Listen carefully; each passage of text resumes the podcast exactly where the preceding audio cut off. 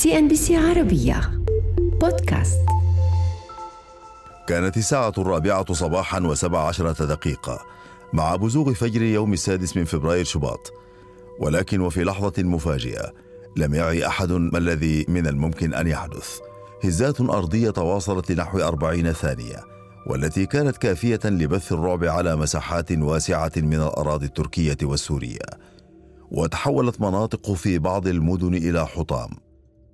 هكذا كانت غازي عنتاب وكذلك مدينة كهرمان ومرعش ولكن الكارثة لم تقتصر على مدن جنوب تركيا بل تأثيرات الهزة طالت جارتها الجنوبية سوريا لتعمق جراح البلد الذي يعيش حربا أنهكته لأكثر من عقد من الزمان.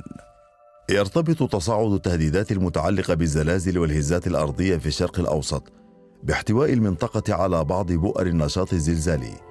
فعلى سبيل المثال ثمة كلمة شهيرة تفسر العلاقة بين تركيا والزلازل وهي كلمة قدر الجغرافيا. حيث تقع تركيا في بورة الحزام الزلزالي الناشط على طول منطقة هضبة الأناضول. بالإضافة إلى ذلك تقع بعض المدن التركية بالقرب من بعض خطوط الصدع القارية التي تفصل بين القارتين الآسيوية والأوروبية من جهة وبين الجزيرة العربية وتركيا وإيران من ناحية أخرى.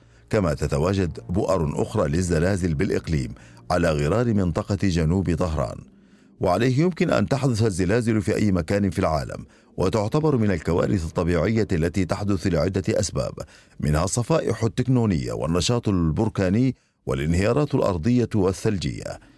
وفي تعريف بسيط للصفائح التكنونية فهي عبارة عن أقسام من قشرة الأرض لكن ينجم عن حركتها احتكاك حول الصفائح بعضها البعض. يتم على إثره إطلاق الطاقة على شكل موجات زلزالية. وخلال العشرية الثانية من القرن الحالي حدثت الكثير من الزلازل والهزات الأرضية المختلفة في مدن ودول وقارات خلفت خسائر بالمليارات وضحايا بالآلاف وذكريات وصور حفرت في ذاكرة من عاش هذه التجربة المريرة. كلما زادت الأنشطة البشرية بصورة أو بأخرى في زيادة زعزعة استقرار الصفائح الزلزالية.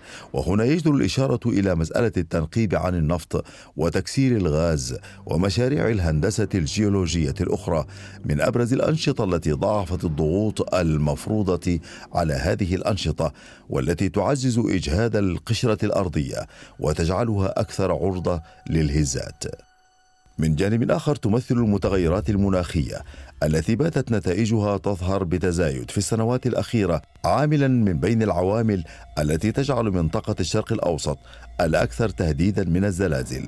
فقد يساهم ذوبان الأنهار والبحار الجليدية وارتفاع منسوب المياه في المحيطات جراء التغيرات المناخية وارتفاع درجات الحرارة في الأرض إلى تصاعد احتمالية التعرض للزلازل حيث أن ارتفاع منسوب المياه يشير إلى تغير التركيبة الجغرافية للأرض وزيادة الضغوط على القشرة الأرضية ما يضاعف احتمالية اندلاع الزلازل.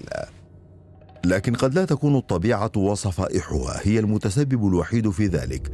فقد تعرضت مدينة يوهانغ الكورية الجنوبية في الخامس عشر من نوفمبر من عام 2017 لزلزال بقوة 5.5 درجة على مقياس ريختر والذي لم يكن ظاهرة طبيعية إذ خلص تقرير نشره فريق من الخبراء في مارس آذار لتقصي أسباب زلزال يوهانغ إلى أن هذا الزلزال نتج عن أنشطة بشرية. وأسفر الزلزال عن إجلاء 1700 شخص من منازلهم وإلحاق أضرار بآلاف المباني وبلغت حصيلة الخسائر 75 مليون دولار.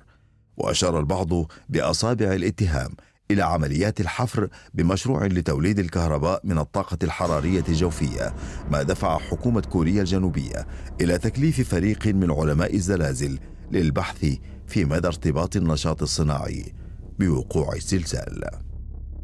في إطار متصل لابد من التطرق لليابان وتطورها الواضح في إطار مكافحة الزلازل بسبب أن أرخبيل اليابان يقع على ما يعرف بحزام النار حول المحيط الهادئ والفلبين وعند الحافة الفاصلة ما بين كل من صفيحة وأخرى.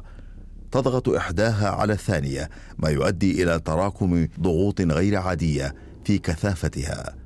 لكن نقطة التحول الأساسية لليابان وتعاملها مع الزلازل كانت بعد زلزال كانتو في عام 1923 والذي دمر طوكيو ويوكوهاما وأودى بحياة أكثر من 140 ألف شخص. لذلك دائما تؤخذ الاعتبارات في البعد الإنشائي والمعماري في تصميم المباني في هذا البلد. وعليه فقد تم اعتماد تطبيق آليات التحمل للمباني لزلازل شدتها بالقرب من ثمانية درجات. سي إن بي سي عربية. بودكاست.